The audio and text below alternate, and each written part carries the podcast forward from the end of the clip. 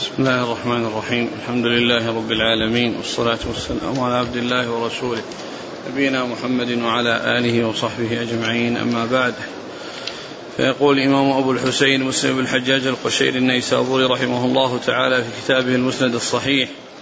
قال حدثنا داود بن رشيد قال حدثنا مروان بن معاوية قال أخبرنا عمر بن حمزة بن عبد الله بن عمر قال حدثنا سالم بن عبد الله عن أبيه قال قال رسول الله صلى الله عليه وسلم أيما أهل دار اتخذوا كلبا إلا كلب ماشية أو كلب صائد نقص من عملهم كل يوم قراطان. قال حدثنا محمد بن المثنى وابن بشار واللفظ لابن المثنى. قال حدثنا محمد بن جعفر. قال حدثنا شعبة عن قتادة عن أبي الحكم. قال سمعت ابن عمر يحدث عن النبي صلى الله عليه وسلم قال من اتخذ كلبا إلا كلب زرع أو غنم أو صيد ينقص من أجله كل يوم قيراط.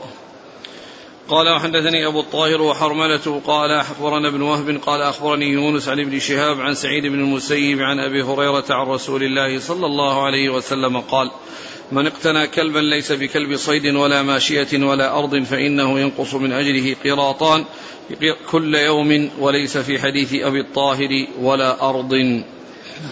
قال حدثنا عبد بن حميد قال حدثنا عبد الرزاق قال أخبرنا معمر عن الزهري عن أبي سلمة عن أبي هريرة قال قال رسول الله صلى الله عليه وسلم من اتخذ كلبا إلا كلب ماشية أو صيد أو زرع انتقص من أجله كل يوم قراط قال الزهري. فذكر لابن عمر قول أبي هريرة فقال يرحم الله أبا هريرة كان صاحب زرع. قال حدثني زهير بن حرب قال حدثنا إسماعيل بن إبراهيم قال حدثنا هشام الدستوائي قال حدثنا يحيى بن أبي كثير عن أبي سلمة عن أبي هريرة قال قال رسول الله صلى الله عليه وسلم من أمسك كلبا فإنه ينقص من عمله كل يوم قيراط إلا كلب حرث أو ماشية. قال حدثنا إسحاق بن إبراهيم قال أخبرنا شعيب بن إسحاق قال حدثنا الأوزاعي قال حدثني يحيى بن أبي كثير قال حدثني أبو سلمة بن عبد الرحمن قال حدثني أبو هريرة عن رسول الله صلى الله عليه وسلم بمثله قال حدثنا أحمد بن المنذر قال حدثنا عبد الصمد قال حدثنا حرب قال حدثنا يحيى بن أبي كثير بهذا الإسناد مثله. قال حدثنا قتيبة بن سعيد قال حدثنا عبد الواحد يعني بن زياد عن إسماعيل بن سميع. قال حدثنا أبو رزين قال سمعت أبا هريرة يقول قال رسول الله صلى الله عليه وسلم من اتخذ كلبا ليس بكلب صيد ولا غنم نقص من عمله كل يوم قيراط. قال حدثنا يحيى بن يحيى قال قرأت على مالك عن يزيد بن, بن خصيفة أن السائب بن يزيد أخبره أنه سمع سفيان بن أبي زهير رضي الله عنه وهو رجل من شنوءة من أصحاب رسول الله صلى الله عليه وسلم قال سمعت رسول الله صلى الله عليه وسلم يقول من اقتنى كلبا لا يغني عنه زرعا ولا ضرعا. نقص من عمله كل يوم قيراط. قال أنت سمعت هذا من رسول الله صلى الله عليه وسلم؟ قال إي ورب هذا المسجد. قال حدثنا يحيى بن أيوب وقتيبة بن حجر قالوا حدثنا إسماعيل عن يزيد بن خصيفة قال أخبرني السائب بن يزيد أنه وفد عليهم سفيان بن أبي زهير الشنائي رضي الله عنه فقال قال رسول الله صلى الله عليه وسلم بمثله. بسم الله الرحمن الرحيم. الحمد لله رب العالمين وصلى الله وسلم وبارك على عبده ورسوله نبينا محمد وعلى آله وأصحابه أجمعين. أما بعد فهذه الأحاديث مع الأحاديث التي مرت في الدرس الماضي تتعلق بالنهي آه، آه، عن اقتناء الكلاب إلا لأمور ثلاثة هي للصيد وللزرع وللماشية. وما عدا ذلك فإنه لا يجوز اتخاذها واقتناؤها وأنه يترتب على ذلك إذا كان لغير هذه الأمور الثلاثة أن ينقص أجر الذي يقتنيها. وإذا فهذه خسارة فادحة ومصيبة عظيمة تحصل للإنسان إذا اقتنى الكلاب وهي لغير هذه الأمور الثلاثة. وأما هذه الأمور الثلاثة فقد جاء الشرع باستثنائها وأن أنه لا بأس بها يعني للصيد وللماشية وللزرع.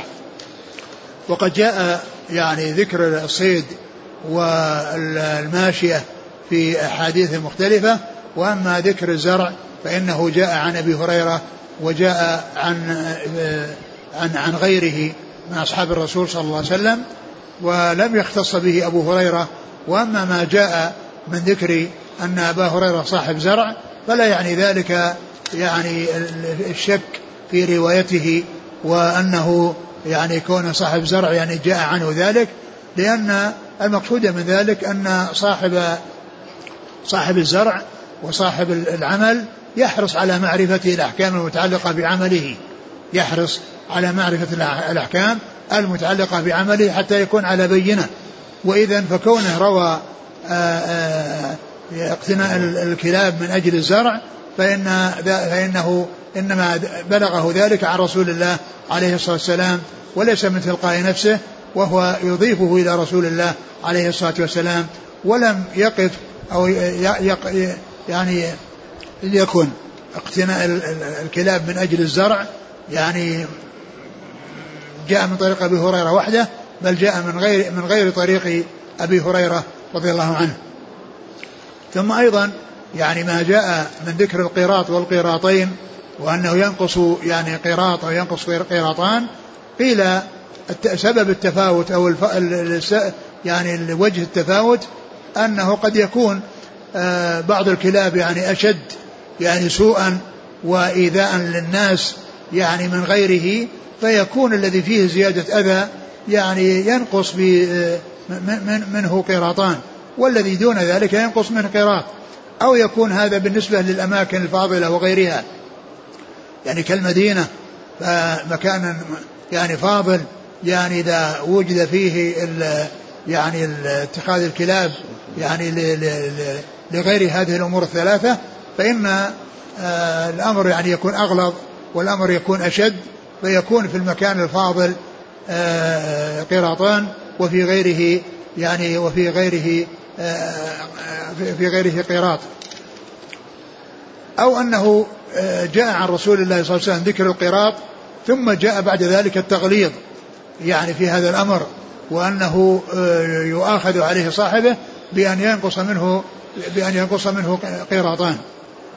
ثم وجه منع آه، يعني منع من اتخاذها لغير هذه الأمور الثلاثة ل يعني لما فيها من المحاذير وهي أن الملائكة تبتعد عن المكان الذي فيه الكلب وكذلك أيضا آه، يعني فيه أن آه، الملائكة تبتعد عن المكان وأيضا ما يحصل من, من إيذاء الناس وإخافة الناس وإزعاجهم. يعني عندما يعني يمرون يعني فيحصل يعني إزعاجهم إذا كان جعل في في دار. أو أو أو, أو بيت شعر أو غير ذلك وليس تابعا للماشية ولا للزرع ولا للصيد فإنه يحصل منه الإيذاء يعني فيكون تفاوت بحصول الإيذاء وكثرته وقلته وعلى هذا فإن هذا التفاوت الذي جاء إنما يكون بسبب هذه الأمور وأيضا يعني آه المنع من اتخاذها لما فيها من المضرة ولما فيها من الابتعاد الملائكة عن المكان الذي فيه آه فيه الكلب. شوف الأحاديث وش الكلمات اللي يحتاج إلى الوقوف عندها. أيما أهل دار اتخذوا كلبا إلا كلب ماشية أو كلب صائد. نقص كلب صائد يعني المقصود به آآ آه، آآ آه، الكلب الصائد أو الرجل الذي يعني يتخذ كلبا يصيد به فيكون المقصود بالصائد يعني الرجل الذي يبحث عن الصيد ويتخذ الكلاب وسيلة إلى ذلك. أو كلب صائد يعني يتخذ للصيد.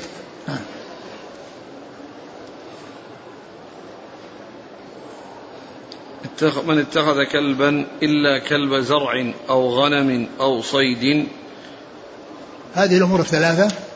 يعني زرع أو غنم أو صيد. نعم. هي المستثنات التي لم يرد يعني سواها.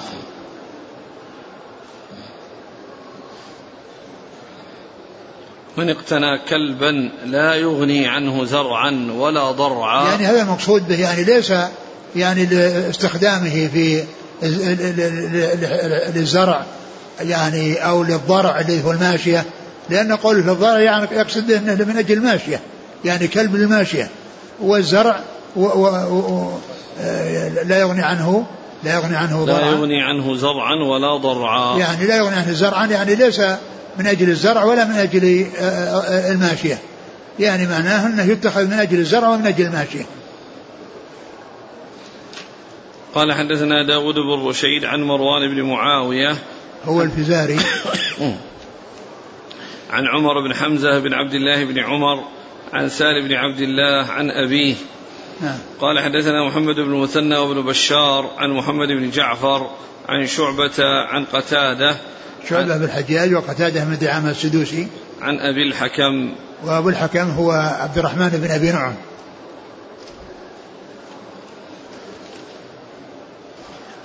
ذكر الحافظ في التهذيب في ترجمة أبي الحكم هذا قال روى له مسلم حديثا واحدا عن ابن عمر. في من اتخذ كلبا وقع في روايته عن أبي الحكم غير مسمى ولا منسوب. وقد جزم النووي بأنه عبد الرحمن بن أبي نعم البجلي. وجزم عبد الغني بن سعيد بأن أبا الحكم الذي روى عن ابن عمر وعنه قتادة بجلي. وأن الذي روى عن ابن عباس وعن حسين وسلم بن كهيل سلمي. وهذا مما يقوي قول النووي. إيش قال النووي؟ أنه ابا آه، ابن عبد الرحمن بن أبي نعم البجلي.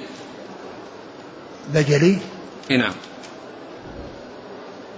وعبد الرحمن بن ابي نعم شوف ترجمة عبد الرحمن بن في التقريب لأنه ذكر اسمه وذكر كنيته أبو الحكم.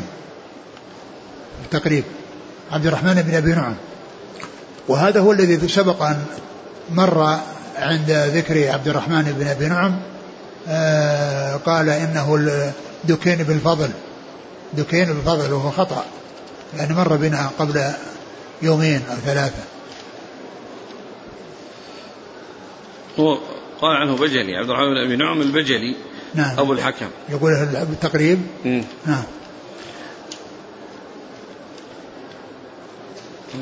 قال الجامع عفى الله عنه محمد علي آدم عندي أن كونه بجليا هو الصواب لأنه هكذا نسبه الإمام أحمد في مسنده وكذا البيهقي في الكبرى. وأما كونه عبد الرحمن بن أبي نعم كما ادعاه النووي فليس بجيد بل هو عمران بن الحارث. كما صرح به البيهقي في سننه والمزي في تحفة الأشراف فتبصر. ذكر المزي في تحفة الأشراف نعم. مع عمران؟ عمران بن الحارث. البجلي؟ إي نعم. ثم رأيت في هذا كلاما لولي الدين العراقي رحمه الله ونصه وأبو الحكم هو عمران بن الحارث السلمي. كما ذكره المزي. وليس له عند مسلم سوى هذا الحديث. وذكر النووي أنه عبد الرحمن بن أبي نعم البجلي والأول أثبت. انتهى. هذا كلام مين؟ هذا الأخير كلام ولي الدين العراقي. نعم. في طرح التثريب. ولي, ولي الدين اللي هو ابن العراقي. نعم. أبو زرعة. ابن, ابن العراقي. نعم. والحاصل أن أبا الحكم هذا هو عمران بن الحارث البجلي لا عبد الرحمن بن أبي نعم فتنبه. قال حدثني أبو الطاهر وحرملة. أحمد بن عمرو بن صالح. وحرملة بن يحيى التجيبي عن ابن وهب. عبد الله بن وهب. عن يونس عن ابن شهاب. يونس بن يزيد الأيلي وابن شهاب محمد بن مسلم بن عبيد الله الزهري. عن سعيد بن المسيب عن أبي هريرة. نعم. قال حدثنا عبد بن حميد عن عبد الرزاق عن معمر بن راشد الأزدي البصري. عن الزهري عن أبي سلمة عن أبي هريرة. نعم أبو سلمة بن عبد الرحمن بن عوف.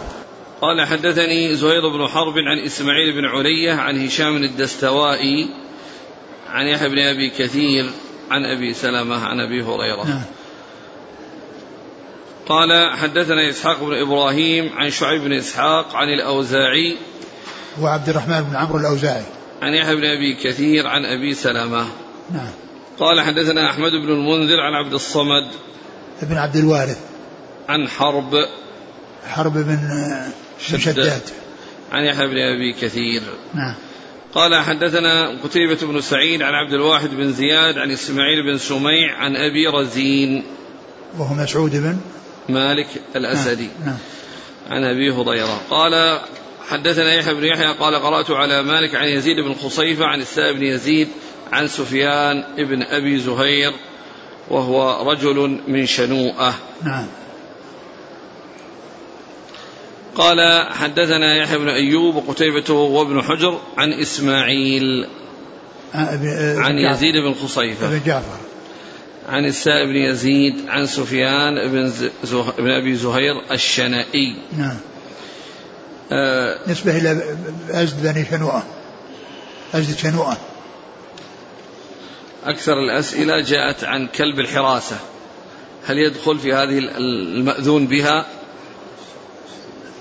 إذا كان لحراسة الأمور الثلاثة يعني نعم أما كون حراسة البيت حراسة البيت أو حراسة يعني يعني لغير هذه الأمور الثلاثة هو فليس فليس داخلا في الاستثناء. ولهذا مر أيما أهل دار اتخذوا آه، كلبا إلا كلب كذا وكذا نقص من عملهم كل يوم قيراط. فكونه يعني حراسة للبيوت يعني هذا ما ما جاء استثناءه بل هذا يعني من أسباب يعني حصول الإيذاء للناس. يعني كلما يمر أحد بهذا البيت وكذا تنبحه هذه الكلاب وتخيفه وتزعجه. هنا سائل يقول آه، يريد أن يقول هل يجوز للأعمى أن يتخذ كلبا يدله في الطريق؟ وإذا كان قد ربي ومر يستطيع أن يأمره بالإتيان ببعض الأشياء يأتي له بها. لا ليس له. هذا هل يؤذن له؟ أقول ليس له ذلك. يقول جيران لنا يقتنون كلبا لغير حاجة فهل لنا أن نقتل ذلك الكلب؟ وما لا. هو الفعل المناسب؟ لا لا جراء هذا الأمر. لا تقتله ولكن انصحهم ويعني بين لهم ولعل الله أن يهديهم. وأنت إن قتلته يجيبون كلبا آخر. وبعدين يصير بينك وبينهم مشاكل. يعني وإذا قتل خلاص انتهى الأمر الكلاب كثيرة. الذي يهوى الكلاب يحصلها. قال رحمه الله تعالى حدثنا يحيى بن أيوب وقتيبة بن سعيد وعلي بن حجر قالوا حدثنا إسماعيل يعنون بن جعفر عن حميد قال سئل أنس بن مالك عن كسب الحجام فقال احتجم رسول الله صلى الله عليه وسلم حجمه أبو طيبة فأمر له بصاعين من طعام وكلم أهله فوضعوا عنه من خراجه وقال إن أفضل ما تداويتم به الحجامة أو هو من أمثل دوائكم. ثم ذكر ما يتعلق باجره الحجام. وقد سبق أن مر بنا يعني بعض الأحاديث التي فيها آه، يعني وصف كسب الحجام بأنه خبيث مقرونا بمهر البغي وحلوان الكاهن. وعرفنا فيما مضى أن هذا الخبث ليس خبث تحريم كما هو بالنسبة لحلوان الكاهن ومهر البغي وإنما هو رداءة يعني كسب رديء. مثل قول الله عز وجل ولا تيمموا الخبيث منه تنفقون يعني الرديء وإنما يعني يعمد الناس إلى أحسن ما يجدون كما قال الله عز وجل لن تنالوا البر حتى تنفقوا ما تحبون فلا يتيمم الخبيث لينفق منه اللي هو الرديء. وعلى هذا فإن يعني وصفه بأنه خبيث أو ما جاء يعني من النهي عنه ليس المقصود من ذلك تحريمه وإنما التنبيه إلى أن هذه مهنة رديئة. لا يفرح بها ولا يحرص عليها ولكن الناس لا بد لهم منها. فمن استعملها ومن تعاطاها فإن ذلك سائغ له وجائز لكنها ليست من المهن التي يرغب فيها.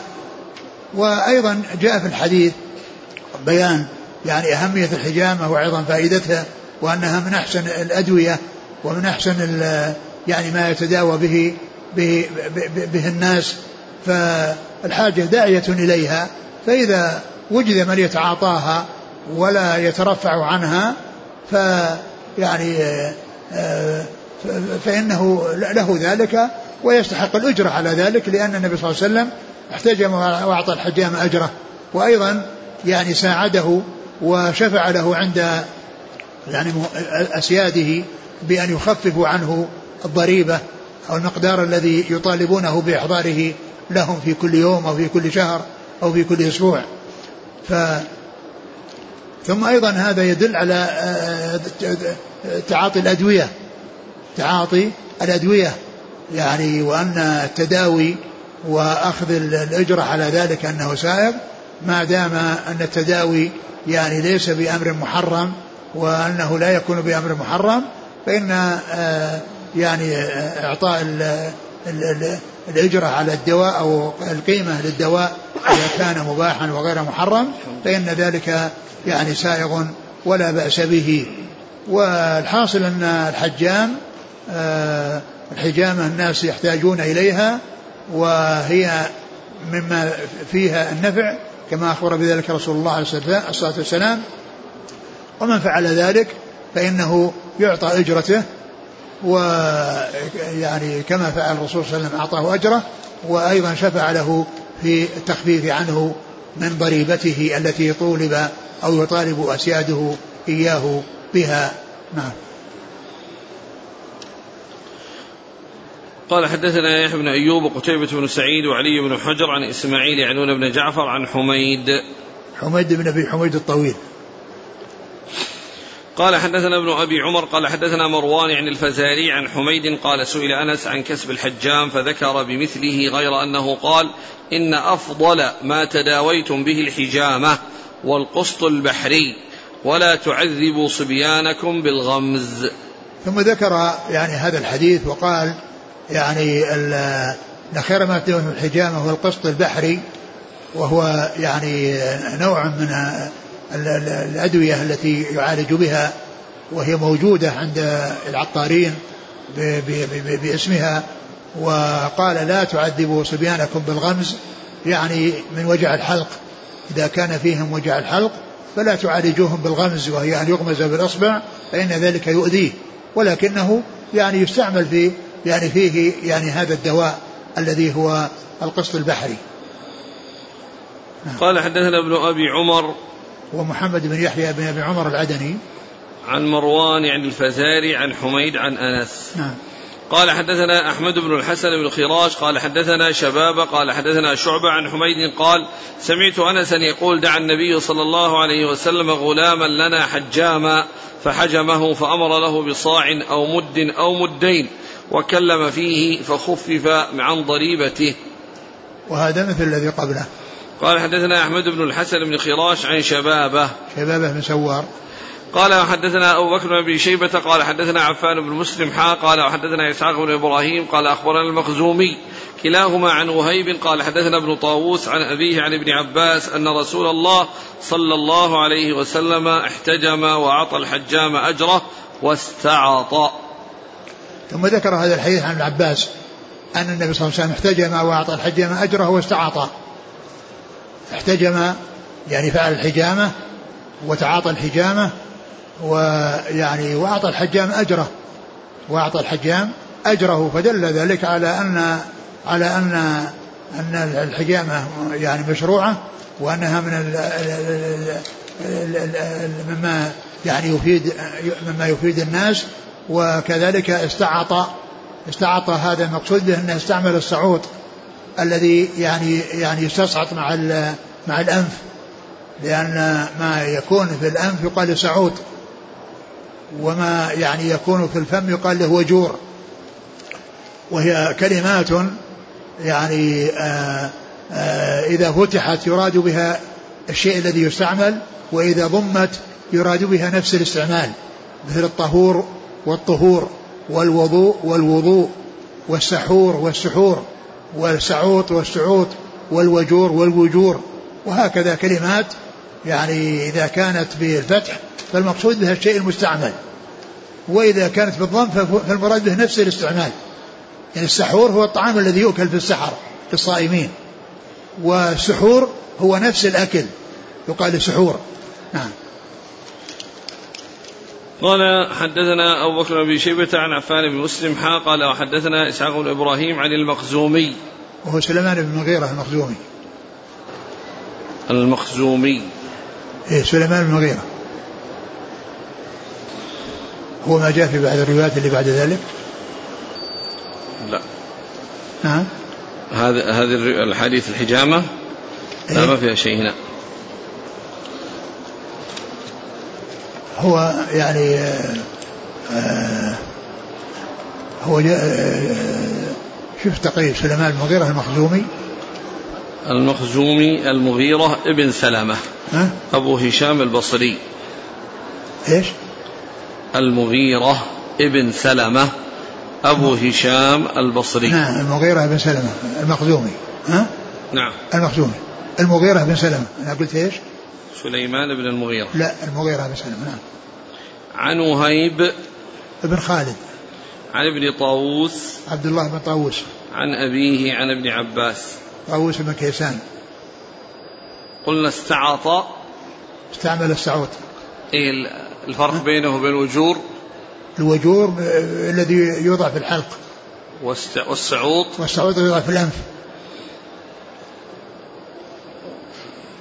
قال حدثنا إسحاق بن إبراهيم وعبد بن حميد واللفظ لعبد قال أخبرنا عبد الرزاق قال أخبرنا معمر عن عاصم عن الشعبي عن ابن عباس قال حجم النبي صلى الله عليه وسلم عبد لبني بياضة فأعطاه النبي صلى الله عليه وسلم أجره وكلم سيده فخفف عنه من ضريبته ولو كان سحتا لم يعطه النبي صلى الله عليه وسلم. ثم ذكر ه- الحديث عن العباس أنه, أنه حجمه رجل والرسول أعطاه أجره وكلم يعني سيده أن يخفف عنه. قال ولو كان سحتا لم لم يعطه. يعني لو كان حراما ما أعطاه الرسول صلى الله عليه وسلم. فلما فعل الرسول إعطاءه عرف أن, أن, أن, أن هذا حلال وأنه ليس بحرام. وأن ما جاء من وصفه بأنه يعني خبيث يعني آه، ليس المقصود به الخبث التحريم. وإنما المقصود به الرداءة. ولا شك أنها مهنة رديئة. يعني ليست مهنة شريفة. يعني التي يفرح بها ويحرص عليها. والناس لا يستغنون عنها. نعم. قال حدثنا إسحاق بن إبراهيم وعبد بن حميد عن عبد الرزاق عن معمر عن عاصم عاصم بن سليمان الأحول. عن الشعبي عامر بن شراحيل. يقول أحسن الله إليكم هل الذي يعمل في المختبرات الطبية مثل الذي يعمل في الحجامة؟ بجامع أن الجميع يستخدم ويتعامل مع والله لا شك أن, أن, أن يعني أقول مثل هذه الأشياء الناس بحاجة إليها وهي سائغة وجائزة. يعني مثل ما أن الحجامة وهي يعني وهي يعني مهنة رديئة فتلك أيضا مهنة رديئة ولكنها جائزة لأن فيها فائدة للناس. وهي حصول معرفة التحاليل ويعني التي يترتب عليها معرفة الداء ويعرف الدواء الذي يناسبه. نعم. قال رحمه الله تعالى حدثنا عبيد الله بن عمر القواريري قال حدثنا عبد الأعلى بن عبد الأعلى أبو همام قال حدثنا سعيد الجريري عن أبي نضرة عن أبي سعيد الخدري رضي الله عنه قال سمعت رسول الله صلى الله عليه وسلم يخطب بالمدينة. قال يا أيها الناس إن الله تعالى يعرض بالخمر ولعل الله سينزل فيها أمرا. فمن كان عنده منها شيء فليبعه ولينتفع به. قال فما لبثنا إلا يسيرا. حتى قال النبي صلى الله عليه وآله وسلم إن الله تعالى حرم الخمر فمن أدركته هذه الآية وعنده منها شيء فلا يشرب ولا يبع قال فاستقبل الناس بما كان عنده منها في طريق المدينة فسفكوها. ثم ذكر بعد ذلك ما يتعلق بالخمر وتحريمها وأنه قبل ذلك يعني آه، كان الرسول عليه الصلاة والسلام يعني يتوقع أو يتحرى يعني أن أن الخمر أنها ستحرم ولكنه لم ينزل ينزل التحريم. فخطب عليه الصلاة والسلام وقال إن الله يعرض بالخمر يعني أنه يذكرها على وجه يعني أن أن أنه آه، سيحصل أو يعني يترتب أو يأتي بعد ذلك تحريمها. قال فمن كان عنده شيء فليبعه لأن يعني قبل أن يأتي التحريم لأن التحريم ما وجد. لكن إذا لما وجد التحريم منع الشرب ومنع البيع. والله تعالى إذا حرم شيئا حرم ثمنه. إذا حرم يعني شيئا يعني حرم الخمر فيكون ثمنه حرام. ف فيكون يعني شربها حرام وبيعها حرام. ما يقال إنه يتخلص منها بالبيع ويأخذ النقود يستفيد بها فإن النقود التي في مقابلها تكون حراما لأنها بيع لأمر محرم ممنوع منه. قال فمن أدركته هذه الآية وهي آية المائدة التي إنما إنما الخمر والميسر والأنصاب والإذن فاجتنبوه لعلكم تفلحون فيعني ف فليهرقه.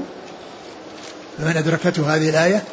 فمن أدركته هذه الآية وعنده منها شيء فلا يشرب ولا يبيع. من أدركته يعني من كان حيا وكان موجودا ومخاطبا بها يعني بعد نزولها وعنده شيء من الخمر من قبل قبل أن تحرم فإنها حرمت بهذه الآية فلا يشرب ولا يبيع. فلا يشرب ولا يبيع. فعند ذلك آه، اتجه يعني الناس الذين عندهم خبر إلى إراقتها ويعني سفكها و ولم يشقوا الأوعية بل أبقوا الأوعية واستفادوا منها. يعني وإنما يتخلصوا من الحرام الذي هو الخمر وأما الأوعية فإنهم ينظفونها ويستعملونها ولا يتلفونها عليهم ويخربونها يعني عليهم. فعنده شيء فلا يشرب ولا يبيع. وش بعده؟ قال فاستقبل الناس بما كان عنده منها في بما طريق كان عندهم منها يعني من الأوعية فسفكوها في, في السكة وفي الطريق. نعم. قال حدثنا عبيد الله بن عمر القواريني عن عبد العالى بن عبد, بن عبد الأعلى أبو همام عن سعيد الجريري سعيد بن إياس. عن أبي نضرة وهو المنذر, المنذر بن مالك بن قطعة. عن أبي سعيد الخدري. وهو سعد بن مالك بن سنان. قال حدثنا سويد بن سعيد قال حدثنا حفص بن ميسرة عن زيد بن أسلم عن عبد الرحمن بن وعلة رجل من أهل مصر أنه جاء عبد الله بن عباس حاء قال وحدثنا أبو الطاهر واللفظ له قال أخبرنا ابن وهب قال أخبرني مالك بن أنس وغيره عن زيد بن أسلم عن عبد الرحمن بن وعلة السبائي من أهل مصر أنه سأل عبد الله بن عباس عما يعصر من العنب فقال ابن عباس إن رجلا أهدى لرسول الله صلى الله عليه وسلم راوية خمر. فقال له رسول الله صلى الله عليه وسلم هل علمت أن الله قد حرمها؟ قال لا. فسار إنسانا. فقال له رسول الله صلى الله عليه وسلم بما ساررته؟ فقال أمرته ببيعها. فقال إن الذي حرم شربها حرم بيعها. قال ففتح المزادة حتى ذهب ما فيها. ثم ذكر هذا الحديث عن العباس أن رجلا يعني جاء إليه وسأله عن عن أهدى له. جاء ابن عباس. قال ابن عباس إن رجلا أنه سأل عبد الرحمن عما يعصر من العنب. سأل ابن عباس عما يعصر من العنب. فقال إن رجلا أهدى للرسول صلى الله عليه وسلم مزادة أو راوية؟ راوية. نعم راوية. ف يعني فقال ما علمت أن الله حرمها؟ فقال لا ثم إنه سار رجلا. يعني هذا الذي مهدي يعني سار رجلا يعني عنده. فالرسول سأله قال بما ساررته؟ قال قلت له يبيعها. قال إن الذي حرم شربها حرم بيعها. إن الذي حرم شربها حرم بيعها ففتحها وأراقها. فتحها وأراقها. وقوله العصير يعني من من العنب. العصير من العنب يعني له حالتان. إذا كان وصل إلى حد الإسكار فهو حرام وإن لم يصل إلى حد الإسكار فهو حلال. ما لم يصل أي أي عصير أو, أي يعني شيء يعني آه، ينتبذ أو يستعمل إن وصل إلى حد الإسكار فهو حرام وإن لم يصل إليه فإنه يعني فإنه حلال. ولهذا الرسول عليه الصلاة والسلام في حديث بريدة الذي ذكر فيه ثلاث أمور منسوخة يعني منسوخة ناسخة ومنسوخة وفيها وقد وقد كنت نهيتكم أن تنتبذوا في أوعية فانتبذوا في كل وعاء ولا تشربوا مسكرا. يعني انتبذوا في أي وعاء لكن بشرط أنه لا يصل إلى حد الإسكار. فإن وصل إلى حد الإسكار فإنه يكون خمرا. والراوية هي يعني ال يعني ال الوعاء. الذي يعني فيه الخمر ويطلق على الدابة التي يعني يؤتى, يؤتى بالماء عليها. وقال ذكر في آخره المزادة أنه فتح المزادة. وقيل إن أنها يقال لها مزادة لأنه زيد فيها من جلد آخر حتى تكبر. يعني أكبر من الجلد الذي هو جلد الشاة. يعني فزيد فيها فصارت يعني أكبر مما لو كانت على مقدار جلد الشاة. فقيل لها المزادة نعم. قال حدثني أبو الطاهر قال أخبرنا ابن وهب قال أخبرني سليمان بن بلال عن يحيى بن سعيد عن عبد الرحمن بن وعلة عن عبد الله بن عباس عن رسول الله صلى الله عليه وسلم مثله. نعم. هل يدل السفك للخمر في الطريق على طهارتها؟ لا ما يدل على طهارتها لأن الناس يتجنبونها يتجنبونها وإذا يعني راحت في الأرض يعني خلاص يعني آه، تطهر بعد ذلك. لكن يعني الناس يتجنبونها ما يقال إنها يعني يعني بعض الذين قالوا إنها إنها نجسة أنهم يعني استدلوا بهذا.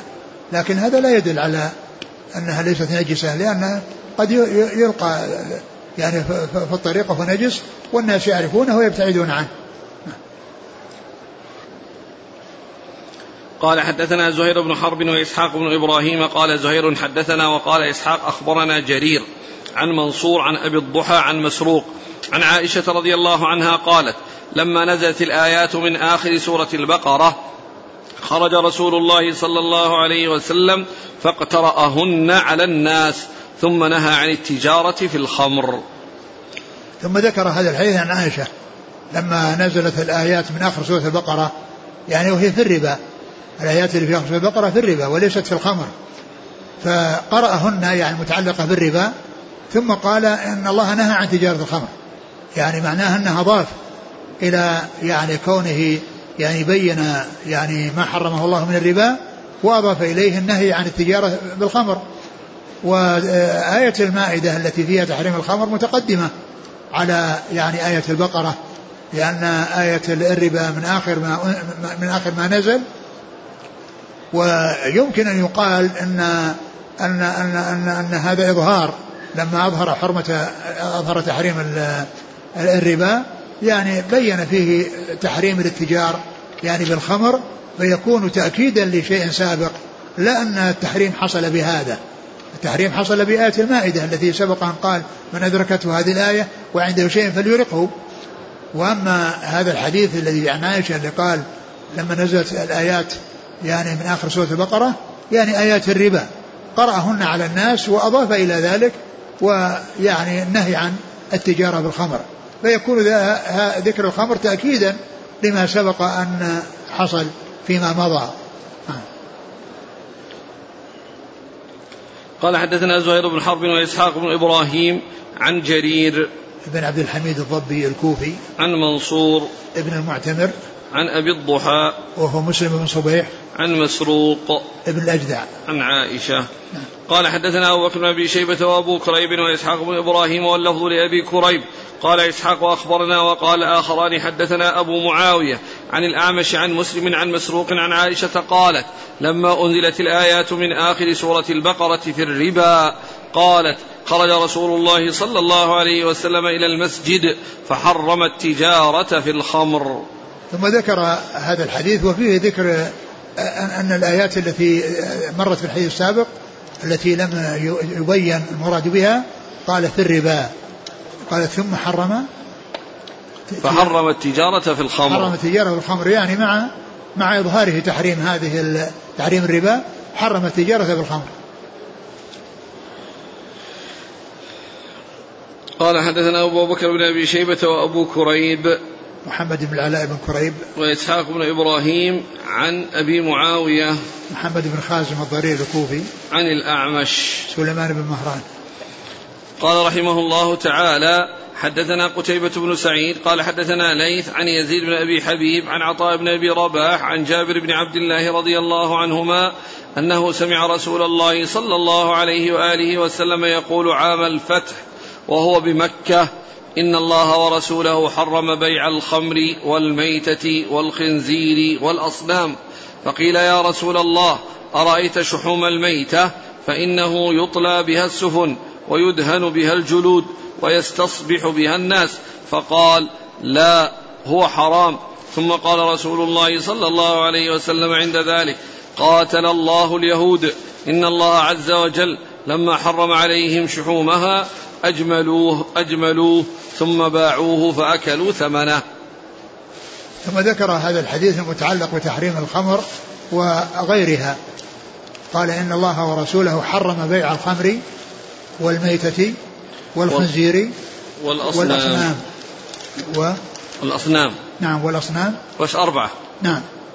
حرم بيع الخمر يعني التي هي محل إيراد الحديث ويعني وأن شربها حرام وبيعها حرام وكان ذلك عام الفتح.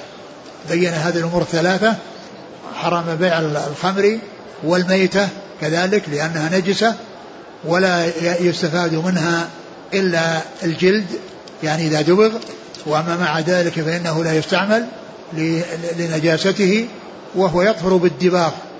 وهذا يعني الذي يطهر بالدباغ هو الذي ما كان الذي كان يعني مباحا في الأصل يعني ك يعني كالشاه. فإنه يعني يستعمل جلدها إذا دبغ ولا يؤثر فيه لكونها ميتة.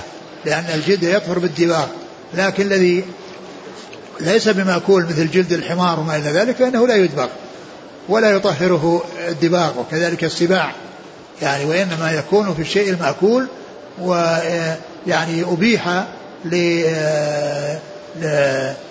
جلده لأنه يطهره الدباغ. وأما ذاك فهو في الأصل يعني نجس ولا يستعمل ولا تسرح الحمير لتستعمل جلودها وإنما الجلود تستعمل في في فيما هو مباح من الإبل والبقر والغنم والميتة والخنزير وكذلك لا يجوز بيعه ولا شراؤه. لا يجوز بيعه ولا شراؤه الخنزير. وكذلك آه الأصنام يعني أنها لا يجوز بيعها واختلف فيما إذا كسرت وصارت قطعا من الحجارة يعني ليست على هيئة الصنم فقالوا إن أنه يمكن أو يجوز استعمالها يعني لكن إذا كان يترتب عليها فتنة أو يترتب عليها يعني شيء يعني فإنه لا يجوز بيعها. ولكنها يعني إذا استعملت في في بنيان أو وهي, وهي كسر وقطع فإنها ذهب تعظيمها وصارت ممتهنة. نعم. وبعدين قال فقيل يا رسول الله أرأيت شحوم الميتة؟ قال أرأيت شحوم الميتة؟ لما كانت الميتة ذكرت مع الأشياء يعني قال يعني أن الشحوم يعني يعني ومعلوم أن الميتة يعني شحمها ولحمها كل ذلك حرام. شحمها ولحمها كل ذلك حرام. فقيل رأيت شحوم الميتة؟ فإنه يستصبح أن تطلى بها السفن فإنها يطلى بها السفن ويدهن بها الجلود. يعني يطلى بها السفن وتدهن بها الجلود. ويدهن بها الجلود ويستصبح بها الناس. قال لا هو حرام. فبعض أهل العلم قال أن قوله لا هو حرام يرجع إلى البيع الذي تقدم في الأول بيع الميتة. وبعضهم يقول أنه يرجع إلى هذا ال ال الذي حصل فيه السؤال وحصل فيه ال الاستفسار. يعني قال أرأيت أخبرني؟ عن كذا وكذا قال له حرام. يعني فيرجع إلى هذا الشيء المسؤول عنه. ثم قال قاتل الله اليهود لما حرم عليهم شحوم الميتة. يعني الميتة شحومها تابعة لأصلها. آه، أذابوها وجملوا أجملوها جملوها يعني أذابوها وباعوها وأكلوا ثمنها. يعني على اعتبار أن تغير الاسم. بدل ما كان شحم صار ودك. يعني يعني بعد ما أذيب صار له اسم آخر الذي هو الودك. لا يقال له ودك وهو يعني شحم على ما هو عليه وإنما بعدما حول بواسطة النار إلى أن يعني آه، طبخ ثم جمد فصار ودكا فباعوه. فذمهم الله عز وجل أنه لما حرم عليهم الشحوم يعني اتخذوا هذه الحيلة وهي أنهم جملوها وأذابوها وباعوها وأكلوا ثمنها. نعم قال حدثنا قتيبة بن سعيد عن ليث ليث بن سعد. عن يزيد بن أبي حبيب عن عطاء بن أبي رباح عن جابر بن عبد الله. نعم. قال حدثنا أبو بكر بن أبي شيبة وابن نمير قال حدثنا أسام أبو أسامة عن عبد الحميد بن جعفر عن يزيد بن أبي حبيب عن عطاء عن جابر. قال سمعت رسول الله صلى الله عليه وسلم عام الفتح. حاء قال حدثنا محمد بن مثنى قال حدثنا الضحاك يعني أبا عاصم عن عبد الحميد قال حدثني يزيد بن أبي حبيب قال كتب إلي عطاء أنه سمع جابر بن عبد الله يقول سمعت رسول الله صلى الله عليه وسلم عام الفتح بمثل حديث الليث. نعم. قال حدثنا أبو بكر بن شيبة وابن نمير محمد بن عبد الله بن نمير عن أبي أسامة حماد بن أسامة قال حدثنا محمد بن مثنى عن الضحاك أبي عاصم. وهو أبو عاصم النبيل الضحاك بن مخلد. نعم. قال حدثنا أبو بكر بن أبي شيبة وزهير بن حرب وإسحاق بن إبراهيم واللفظ لأبي بكر قالوا حدثنا سفيان بن عيينة عن عمرو عن طاووس عن ابن عباس قال بلغ عمر أن سمرة باع خمرا. فقال قاتل الله سمرة. ألم يعلم أن رسول الله صلى الله عليه وسلم قال لعن الله اليهود حرمت عليهم الشحوم فجملوها فباعوها. ثم ذكر هذا الحديث آه، أن آه، عن ابن عباس. نعم بلغ عمر أن سمرة باع خمرا. بلغ عمر أن سمرة والمراد به سمرة بن جندب رضي الله عنه. وقد جاء ذكره في البخاري يعني مبهم قال فلانا أن فلانا فعل كذا وكذا. ولكنه جاء يعني مسمى عند مسلم وجاء منسوب في غير في غير مسلم. وفسر يعني هذا الذي حصل من سمرة قيل أنه يعني أنه يعني أن, أن هذا من يعني يعني باعه من من من أهل الكتاب الذين يعني يعني يستحلون ذلك. ويعني ولعله ظن أن انما المنع من المسلمين وأما بالنسبة للكفار فإنهم يستعملون يعني يستعملون يستعملون الخمر ويستعملون يعني هذه الأشياء الأمور المحرمة. فقال قاتل الله سمرة أما علم أن أن الله أما علم؟ ألم يعلم أن الرسول صلى الله عليه وسلم قال لعن الله اليهود حرمت عليهم الشحوم فجملوها فباعوها. يعني سمرة رضي الله تعالى عنه يعني حصل منه يعني باجتهاد وظن أن المنع إنما هو في حق المسلمين وأنه في حق الكفار يعني أنه يعني أنه, أنه يختلف وذلك أنهم يعني يستحلونها ويستعملونها ونعم فسر بهذا وفسر بتفسيرات أخرى ذكرها الحافظ بن حجر في في فتح الباري. نعم.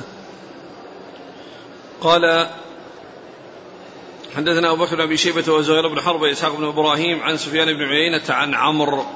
عمرو بن دينار. قال حدثنا أبو قال حدثنا أمية بن بسطام. قال حدثنا يزيد بن زريع. قال حدثنا روح يعني بن القاسم عن عمرو بن دينار بهذا الإسناد. نعم. قال حدثنا إسحاق بن إبراهيم الحنظلي. قال أخبرنا روح بن عبادة. قال حدثنا ابن جريج. قال أخبرني ابن شهاب عن سعيد بن المسيب أنه حدثه أخبرني. قال حدثنا إسحاق بن إبراهيم الحنظلي. نعم. قال أخبرنا روح بن عبادة. قال حدثنا ابن جريج.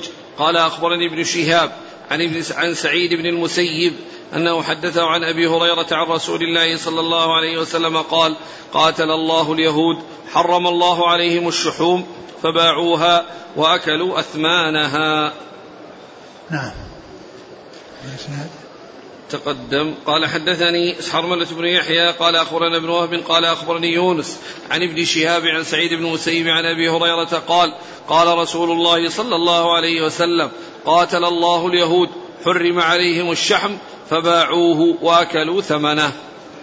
يعني باعوه يعني ذابوه يعني نقلوه من كونه شحم إلى كونه ودك. نعم قال حدثنا حرملة بن يحيى عن ابن وهب عبد الله بن وهب. عن يونس عن ابن شهاب. يونس بن يزيد الأيلي. عن سعيد بن المسيب عن أبي هريرة. نعم. باب الربا. والله تعالى أعلم وصلى الله وسلم وبارك على عبده ورسوله نبينا محمد وعلى آله وأصحابه أجمعين. جزاكم الله خيرا وبارك الله فيكم. ألهمكم الله الصواب ووفقكم للحق. شافاكم الله وعافاكم ونفعنا الله بما سمعنا. غفر الله لنا ولكم وللمسلمين أجمعين. آمين. آمين. يقول آه، بارك الله فيكم. هل الألعاب المجسمة تعتبر اليوم من الأصنام فلا يجوز بيعها؟ ما يقال إنها أصنام ولكنها يقال صور. يعني يعني يعني الأصنام يعني معروف يعني كان يعني آه، تعظم وتعبد. ويعني وأما هذه فهي صور مجسمة محرمة لكونها صور. نعم. يقول هي ألعاب أطفال على صورة إنسان أو حيوان. كذلك ما دام أنها مجسمة أما إذا كان أنها أشياء غير مجسمة مثل الأعواد يعني تعرض ويلف عليها خرق فهذا هو الذي كان لعائشة ومثيلاتها آه، في في زمن في, في زمن الرسول صلى الله عليه وسلم. وأما يعني هذه الصور التي على هيئة إنسان وعلى شكل إنسان يعني فهي فهي صور واضحة. يقول يعني آه، في بالنسبة لأبي هريرة وأنه كان صاحب زرع بينما علم سابقا أنه كان أنه يلزم النبي صلى الله عليه وسلم على شبع بطنه وكان من أهل الصفة فكيف الجمع؟ يمكن أن في بعض الأحوال يعني حصل له ذلك. يقول عندنا عمال يعملون في مزارع العنب وصاحب الزرع يخبرهم بأنه سيعمل به الخل وليس الخمر. إيش؟ عمال يعملون في المزارع التي يزرع فيها العنب وصاحب الزرع يخبرهم العنب يعني هو فاكهة من أحسن الفواكه في حال كونه عنبا ويحول إلى زبيب يعني يدخر ويكون من الأطعمة. ولهذا جاء أنه من الأطعمة التي يكون فيها أو يكون منها زكاة الفطر إن صاع من زبيب.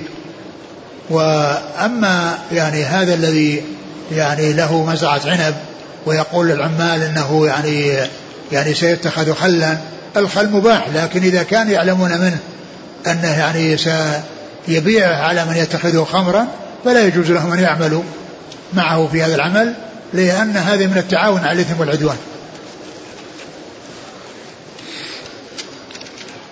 يقول القطع الأثرية التي لها جسم ورأس فهل إذا كسر الرأس وبيع الباقي يجوز؟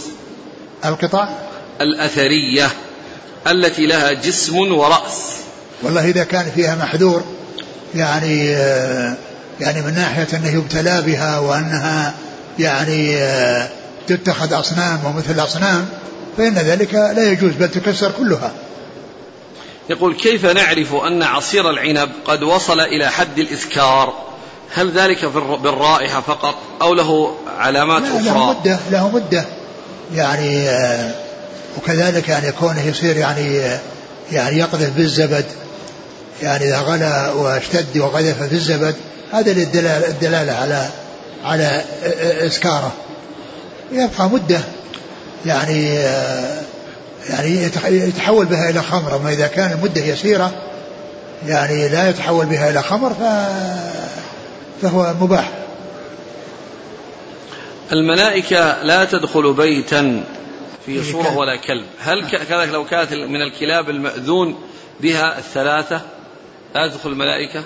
معلوم أن الملائكة الكلاب ما تكون في البيوت تكون في المزارع. تكون في المزارع ومع الغنم في البر وفي الصيد. نعم. يقول آه، هل دبغ جلود النمور والثعالب السباع عموما؟ هل دبغها يبيحها؟ لا. لا يبيحها ولا يبيح استعمالها لأنه جاء النهي عن استعمال جلود النمور أو جلود السباع. فيعني أيضا هي يعني الذي يطهره الدباغ ما كان تحله الحياة تحله الحياة يعني وكان في الحياة حلالا يعني طاهرا ليس بنجس. وإنما يعني لما تنجس بالموت أبيح استعماله بعد تطهيره بالدباغ. أما الكلاب والحمير والسباع ما يعني ما تؤخذ جلودها وتدبغ وتستعمل. لا لا يستعمل ذلك. هل يجوز بيع الحمار؟ إيه يجوز لأنه ينتفع به. لأنه لا يؤكل بس ينتفع به. الناس يعني والله جاء في القرآن والخيل والبغال والحمير لتركبوها وزينة. فهو يعني من أجل الانتفاع لا من أجل لحمة. هو نج هو هو حرام. وغير يعني مأكول. ولكن ينتفع به فهو مباح أو من أجل الانتفاع. نعم وهل هو نجس؟ نعم. الحمار. يعني هو لحمة يعني نجس. وحتى لأنه يعني التذكية ما تنفع فيه. لأن الذي يعني لا, لا يباح أكله ما يقال أنه إذا ذبح خلاص تغير. يعني حكمه واحد. يعني الزكاة لا, لا تفيده لا تفيده شيئا ولا تحله. يقول أنا شاب عندي مبلغ عشرة آلاف ريال أريد أن أدخرها لأجل الزواج. حال عليها الحول. هل علي فيها زكاة؟ نعم. المبلغ لا يكفيني للزواج. لا زكها وإن شاء الله الزكاة تكون سببا في في نمائه وكثرته ثم الزكاة يعني يعني هي شيء يسير من شيء من شيء كثير. ربع العشر. فأن تزكها وإن شاء الله يعني تزكيتك إياها سبب في نمائها. من كان في عمل ولا يستطيع الخروج لأداء صلاة الجمعة مع جماعة المسلمين فهل يصلي الظهر؟ إذا كان حارس لشيء فتسقط عنه صلاة الجمعة ولكن يصليها ظهر ما يصلي الجمعة إلا مع الجماعة. لكن إذا كان م م يعني مؤتمنا على شيء أو يعني حارسا لشيء وأنه لا يعني يذهب يعني لو ذهب لحصل فيه إخلال وضرر فإنه يكون معذور بترك الجمعة ويصليها ظهرا. لأن الإنسان يعني لا يصلي الجمعة لا تصلى إلا, إلا جماعة. الإخوة اللي يسكنون في البلاد الغربية آه تعلمون يوم الجمعة بالنسبة عندهم دوام ولا يسمح لهم بالخروج لأداء الصلاة. فهم الآن قد تفوتهم أكثر من مرة في الشهر أو الشهرين لا الجمعة. عليهم. أقول إذا كان المقصود بالحراسة أما إذا كان عمل لا. يعني عمل في مصنع أو في مكان. لا إذا إذا كان ليست حراسة أيه؟ عليهم أن لا يدخلوا يعني آه يعني في هذا العمل إلا إذا مكنوا من أنهم يؤدون ما أوجب الله عليه. هذا سؤال عجيب. يقول لماذا لا تتم توسعة الروضة الشريفة كما يوسع المسجد النبوي نظرا للزحام؟ لا للزحام؟ أقول هذا فعلا عجيب. واحد يقول خلوه يعني دورين. يعني المنبر. لا يقول خلوه دورين. خلوه أيوة. الروضة دورين. على كل هذا الإنسان يصلي فيه ويمشي مو بمعنى يتخذ مستقر يستقر فيه ويبقى فيه يصلي ويمشي يترك الفرصة لغيره هل يصح الاغتسال ليوم الجمعة قبل صلاة الفجر؟ لا وإنما بعد صلاة الفجر بعد بعد دخول الفجر بعد دخول الفجر ولهذا يعني ذكر أظن أبو داود يعني في بعض في في في في, في السنن مع أن أبو داود يعني ذكر التفقه عنده قليل يعني في يعني ذكر يعني ولكنه ذكر يعني أنه إذا اغتسل بعد طلوع الفجر يغني عن الجمعة.